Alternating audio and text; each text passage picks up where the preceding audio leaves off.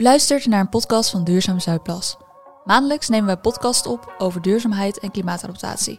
Dit is de laatste podcast van 2021. In deze laatste podcast gaat Sanne Geers in gesprek met Jan Verbeek, wethouder duurzaamheid. In 2019 stemde de Raad in met het programma Duurzaamheid en Klimaatadaptatie, waarin de strategie beschreven staat welke inspanningen de gemeente Zuidplas levert om te komen tot een energie-neutrale, klimaatadaptieve, waterrobuuste en circulaire gemeente in 2050. Onlangs is een geactualiseerde inspanningsstrategie aan de Raad voorgelegd. In deze podcast blikt wethouder Jan Verbeek terug op de afgelopen jaren en vertelt de wethouder waar de focus de komende jaren ligt.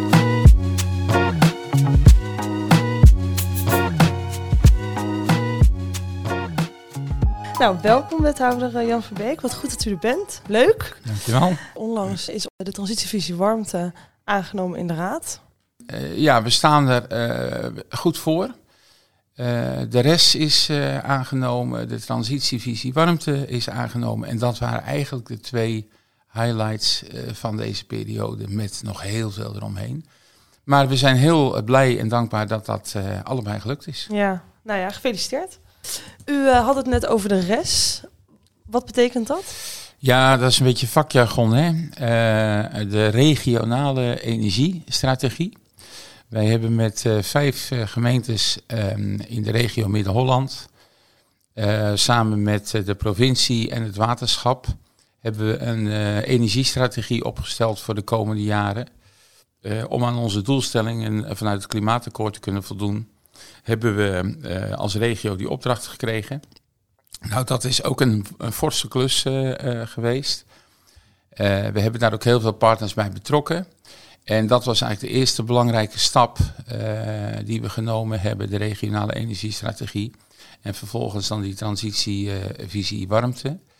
En in die documenten beschrijf je eigenlijk wat je de komende 10, 15 jaar uh, gaat doen op het gebied van duurzaamheid, op het gebied van nou, besparen, isoleren, alternatieve warmtebronnen, alternatieve energiebronnen. Waar denk je dat we kunnen gaan doen in zoekgebieden? Die hebben we vastgesteld. Dus nou, ik zou iedere luisteraar adviseren om eens op internet te kijken bij Duurzaam Zuidplas. Want um, ja, dat is echt interessante materie.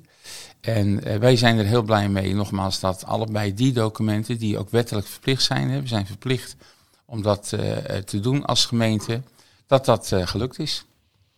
De afgelopen jaren is extra ingezet op het programma Duurzaamheid en Klimaatadaptatie. Hoe kijkt u daarop terug? Ja, dan moeten we beginnen bij het begin natuurlijk. Maar ik weet nog heel goed, toen ik begon als wethouder, toen was er een uh, ambtenaar, een hele goede ambtenaar, die had een aantal uren voor duurzaamheid. En dat was het. En toen heb ik gezegd, nou, we moeten eerst een goede programmamanager hebben. Nou, die hebben we gevonden. En die heeft een heel mooi programma duurzaamheid en klimaatadaptatie opgesteld. En vervolgens hebben we dat vastgesteld in het college en in de raad. En toen zijn we met dat programma aan de gang gegaan. Nou, we hebben heel erg ingezet op participatie. We hebben een aantal informatieavonden gehad, nog voor de coronatijd. Heel veel mensen. Uh, uh, de zalen waren alle avonden uh, overbezet. Het was in alle vier de dorpen, toch? Dat was in alle vier de dorpen. En eh, we begonnen in uh, Moekepelle. En toen hadden we geloof ik 50 stoelen neergezet. nou, dat moesten er 125 worden, want dat paste er echt niet in.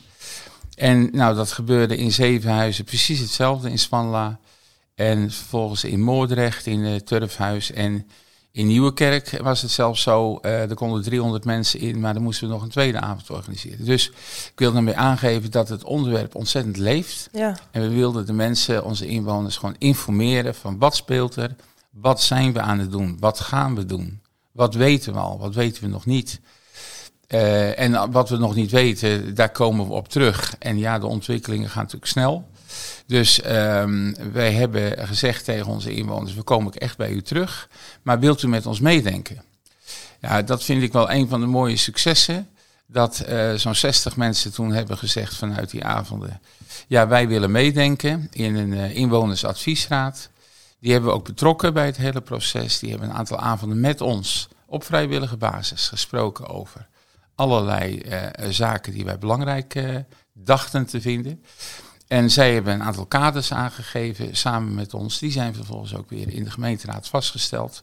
Waar moet het nou allemaal aan voldoen? Uh, ja, als je dan ziet dat de inwoners zo mee willen denken en mee willen werken. Vervolgens zeiden ze ook van nou, wij willen ook wel coach worden om andere mensen dan weer te coachen op dit gebied. We hebben ambassadeurs, we hebben mensen die maken warmtefoto's van, van je huis. En dat allemaal vrijwillig, allemaal gratis. Ja, dat vind ik eigenlijk wel een van de succesvolle bijvangsten van dit hele traject. Uh, heel veel mensen zijn ook kritisch. Ook in de inwonersadviesraad hadden we hele kritische mensen die het eigenlijk helemaal niet zien zitten. En dat vond ik juist mooi, want dan krijg je ook het goede gesprek eh, met elkaar. Maar ook die mensen zeiden ja, we kunnen niet stil blijven zitten, we moeten echt aan de gang. Dus ik denk dat wij in, in dit traject heel veel met onze inwoners hebben bereikt. En ik denk dat je deze transitie ook niet top-down kunt realiseren, maar dat moet echt bottom-up gebeuren. En daar zijn we volop mee bezig. Mooi. Zo mooi hoe u beschrijft hoe dat uh, helemaal leeft in de gemeente. En dat we het eigenlijk allemaal samen doen. Dat hoor ik u eigenlijk zeggen. Ja, dat uh, met een groep mensen, hè, want uh, een hele grote groep hoor je ook niet. Mm -hmm. Die, die wacht gewoon af. En die mensen spreek ik ook, hè. Ik spreek ook mensen die zeggen, joh, meneer Verbeek, u gaat toch mij niet van het gas afhalen, hè. Uh, nou ja, dat is natuurlijk helemaal niet onze intentie hè, om iets negatiefs uh, te doen. Want ik snap dat mensen dat wel zo ervaren. Wij, wij willen echt met de mensen, dat hebben we dus in die transitievisie waarom het ook afgesproken, dat we twee wijken nu gaan verkennen. We gaan er niet starten, nee, we gaan verkennen om te kijken wat kan er in die wijk. We denken al dat dat kan of dat kan, bijvoorbeeld een warmtenet of met hybride waterpompen of met, nou, er zijn heel veel mogelijkheden. Hybride warmtepompen. Hier zei ik waterpompen. Ik zeg altijd waterpompen. Ik zeg ja, ja nou ja, ik, dat is om te kijken of je goed luistert natuurlijk. Maar eh, nou ja, de warmtepompen uh, zijn een optie, geothermie, uh, aquathermie. Maar we gaan kijken wat kan er in welke wijk. En dat gaan we met de mensen bespreken, want het moet technisch haalbaar zijn, het moet financieel haalbaar zijn, maar het moet ook vooral draagvlak hebben in een ja. wijk. Als mensen jarenlang een centrale verwarming gas gestookt hebben en ze horen opeens, we moeten van het gas af en we moeten wat anders. Ja, wat moeten we dan en wat gaat dat kosten? En moet ik dat allemaal zelf betalen? En, en nou, er is veel onzekerheid. Ja. We hebben veel weg kunnen nemen, maar uh, er is ook nog heel veel onzekerheid. En we wachten nu ook echt op de, de maatregelen vanuit het nieuwe kabinet. Ze hebben veel over duurzaamheid geschreven. Maar nu eerst dan maar even afwachten wat ze nu echt voor de gemeentes gaan doen. Want wat wij wel hebben gezegd, deze energietransitie moet haalbaar zijn en betaalbaar zijn. En dat betaalbare aspect moet echt van de Rijksoverheid komen. Ja, dus ik hoor u zeggen haalbaar en betaalbaar. Uh, ik neem aan dat u dat bedoelt voor de, voor, voor de inwoner van Zuidplas. Uh, maar hoe kan de gemeente Zuidplas dat garanderen of realiseren? We kunnen niets uh, garanderen. Mijn collega zegt altijd, uh, garanties geef je op stofzuigers. Maar ehm, wij kunnen alleen maar in overleg met de inwoners kijken wat is er het beste voor die wijk. Mm -hmm. Uh, en misschien zijn dat wel twee mogelijkheden of drie mogelijkheden. Dan moeten we gaan kijken wat is de beste mogelijkheid. Ja, en dat gebeurt in de verkenningswijken vanaf 2022. Dat, omdat we gisteren die visie hebben vastgesteld, kunnen we daar nu mee gaan beginnen in 2022. Maar als wij zeggen, ik zeg maar, er moet een warmtenet uh, komen. Ja, dat kost geld. Um, en uh, dan zal het Rijk echt moeten zeggen, en daar staan wel passages over in het regeerakkoord in het coalitieakkoord. Maar dat is nog niet uh, voldoende helder om te zeggen van nou, we kunnen dat sowieso gaan doen. Wij garanderen dat dat goed komt. Wij moeten daar echt eerst als gemeente ook meer zekerheid over hebben. Ja. Maar we kunnen niet wachten uh, totdat we dat allemaal precies weten. We gaan verkennen. En het woord zegt het al, als je iets gaat verkennen, dan ga je nog niet iets doen. Je gaat verkennen en dan ga je kijken, datgene wat je uitkiest, met de inwoners.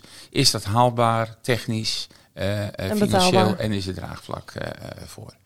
Dat is okay. een beetje de volgorde. Dus als ik u even mag samenvatten, um, in de transitievisie warmte die is aangenomen door de Raad, wordt dus beschreven welke verkenningsbuurten in 2022 worden verkend op uh, haalbaarheid, betaalbaarheid en draagvlak. Ehm, nou, dan heb ik het niet goed gezegd, denk ik. Of niet vol, volledig gezegd. Eh, wij gaan die verkenning, eh, daar gaan we mee starten in 2022, maar dat, red- dat halen we niet in één jaar. Nee, uiteraard. Dat is één. Ja. Dat zal echt wel een aantal jaren duren. Eh, en in die verkenning gaan wij kijken welke mogelijkheden waarvan wij denken dat ze kunnen, dat er ook draagvlak voor is. En of dat technisch haalbaar is. En of we inmiddels dan ook weten of we daar de voldoende financiën voor hebben.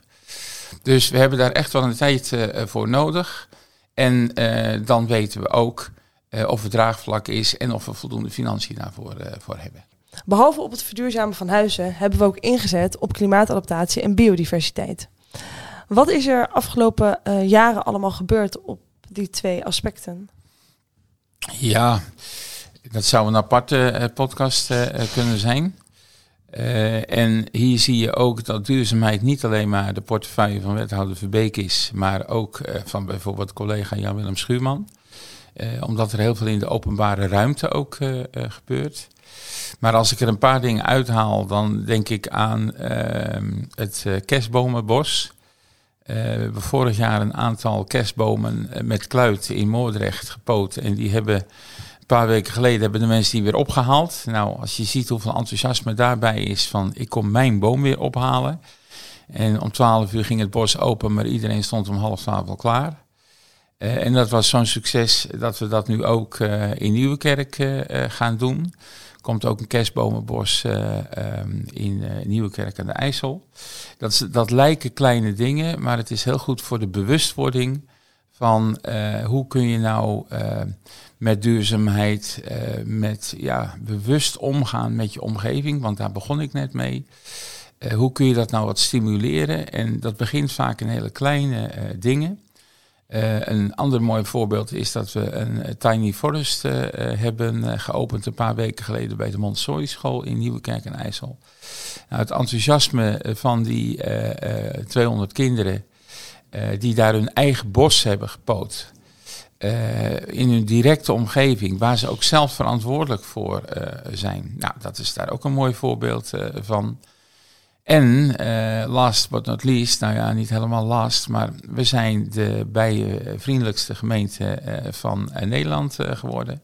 Dus eh, als het om biodiversiteit gaat, eh, is dat ook een mooi eh, succes. Eh, de ideeën die mensen daar ook weer bij hadden, hè, toen we die prijzen uitgereikt hebben, eh, waren er prachtige verhalen bij eh, te vertellen. Dus je ziet echt dat het leeft. Nou, de gemeente heeft in het Wagenpark ook al een stuk verduurzaming toegepast. Door elektrische voertuigen ehm, eh, aan te kopen. Ja, we, we proberen dus in de gemeente dat eh, duurzaamheidsbesef op gang te brengen. En ik merk dat heel veel mensen dat ook waarderen en daar ook graag aan meedoen. Eh, ik weet nog heel goed dat we stonden in Zevenhuizen eh, waar appelbomen werden uitgedeeld. er was een run op die bomen en dat zijn maar kleine dingen. En mensen zijn eigenlijk teleurgesteld als er dan geen boom meer is. Ja, weet je, het houdt er natuurlijk een keer op. Maar het zijn wel stimulerende maatregelen. Ja. En dat vind ik mooi om te zien dat het ook aanslaat. En eigenlijk moet dat ja, dan eigenlijk vervolgens bij de mensen zelf wegkomen. Laatste voorbeeld, als je kijkt naar eh, dat heeft ook wel met kerstbomen te maken, maar in de wijk, hè, we hebben kerstbomen beschikbaar gesteld voor de wijken. Ja, als je die om tien uur eh, op internet zet, dan is om kwart over tien is het uitverkocht. Want daar, daar kijken mensen dus naar. En daarmee maken ze hun wijk ook wat gezelliger.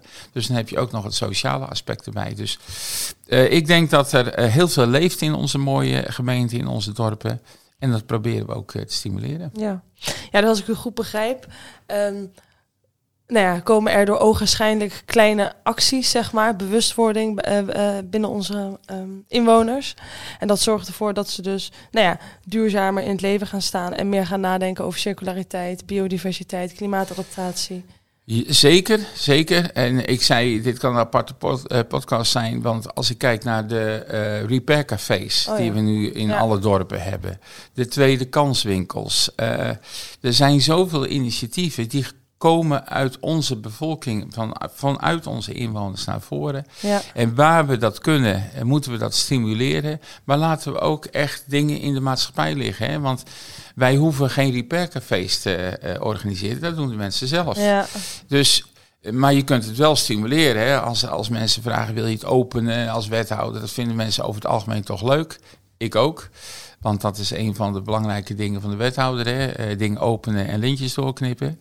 Maar alle gekheid op een stokje. Het, mensen vinden het wel belangrijk dat de gemeente dan ook oog heeft voor de initiatieven die er uit de inwoners komen. Dus Ja, want zijn mooie dingen. Ook een duurzaamheidsplatform natuurlijk. ja, Dat is ook opgezet door onze eigen inwoners. ja.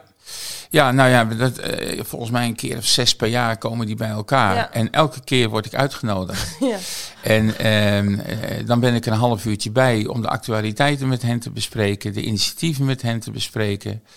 Kijken waar we hun initiatieven kunnen ondersteunen en waar zij ons eh, kunnen helpen, kortom.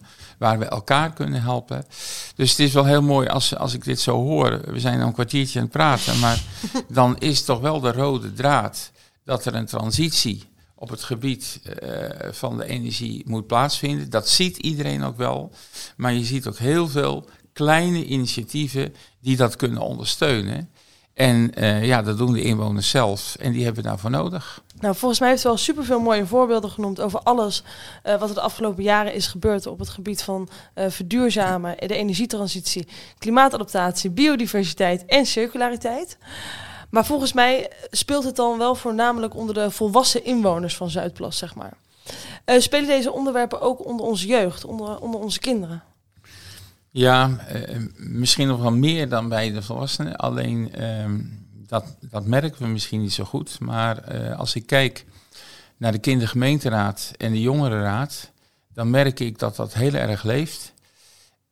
We hebben elk jaar, of een aantal keren nu, een kinderklimaattop, een jeugdklimaattop eh, georganiseerd. Voor het basisonderwijs, voor het voortgezet onderwijs. Dat zijn, daar komen geweldig mooie ideeën uit eh, eh, naar voren. Dus het leeft echt. Hè. Ik noemde net dat Tiny Forest eh, ook eh, eh, bij de school. En het zou wel mooi zijn als meer scholen dat eh, gingen doen, dat soort eh, dingen. Maar die jeugdklimaattops, eh, de kinderklimaattop, dat zijn echt dingen waar je ziet van eh, kinderen eh, hebben hele originele ideeën. Ehm, en wat wij ook zien, dat bij de kindergemeenteraad, die mogen ook altijd die idee eh, lanceren. En het beste idee wordt dan uitgevoerd. 9 van de 10 keer is dat een idee dat met duurzaamheid eh, te maken heeft. Er is vaak gezegd, we hoeven niet het braafste jongetje van de klas te zijn. Wij nemen vol onze verantwoordelijkheid als het gaat om duurzaamheid, om de redenen die ik net gezegd heb. Het gaat niet goed met ons klimaat, met onze, nou dus met onze duurzame wereld, om het zo maar te zeggen. Daar moeten we iets aan doen. Eh, en of ik dan de braafste ben, of dat wij de braafste zijn of niet, dat vind ik niet zo interessant. Wij rennen niet overal achteraan. Hé, hey, er is een nieuwe ontwikkeling, dat moeten wij ook doen. Zo zitten we niet in elkaar. Het moet technisch haalbaar zijn, het moet betaalbaar zijn en er moet draagvlak zijn. Hè, dat heb ik net aangegeven. Als wij dit willen realiseren, moet de overheid wel echt meedoen. En dan kunnen wij een goede leerling in eh, eh, gemeenteland eh, zijn, in het belang van onze inwoners. Ehm, nou, dan de laatste vraag, wethouder Jan Verbeek. Wat is het toekomstperspectief voor Duurzaam Zuidplas? Ehm, oei, als ik in de toekomst kon kijken, dan, ehm, eh, dan zou ik hier niet zitten, zou ik bijna zeggen. Maar een paar dingen. We moeten echt, we willen en we moeten echt verder met die transitie. Dat is echt, echt noodzakelijk. Die CO2 moet echt fors teruggedrongen worden. Daar hebben we allemaal een taak eh, in. Eh, en het toekomstperspectief is dat wij nog onzekerheid hebben over hoe we dat precies gaan doen. En of we daar voldoende financiën voor hebben. Uh, en in dat licht is het wel jammer uh, dat wij uh, ons budget afgeschaald eh, hebben zien worden in de gemeenteraad. Dat was ook noodzakelijk, want we hebben op veel punten moeten bezuinigen. Maar ik hoop dat wij voor de komende periode toch weer voldoende middelen, met name ook van het Rijk, krijgen om al deze zaken met betrekking tot de transitie goed uit te voeren. Uh, ik heb er alle vertrouwen in dat dat gebeurt. Want ik zie dat bij onze inwoners uh, dat draagvlak uh, toeneemt. Maar ik zie ook in het coalitieakkoord op landelijk niveau dat er echt stappen worden gezet om die transitie betaalbaar te maken. Want anders gaat het niet, niet lukken. Uh, wethouder, hartelijk dank voor al uw informatie over Zuidplas aardgasvrij, verduurzamen, de energietransitie, biodiversiteit, klimaatadaptatie, circulariteit en noem maar op. Wilt u nu meer weten over Duurzaam Zuidplas of de andere podcasts beluisteren? Kijk dan op www.duurzaamzuidplas.nl voor meer informatie.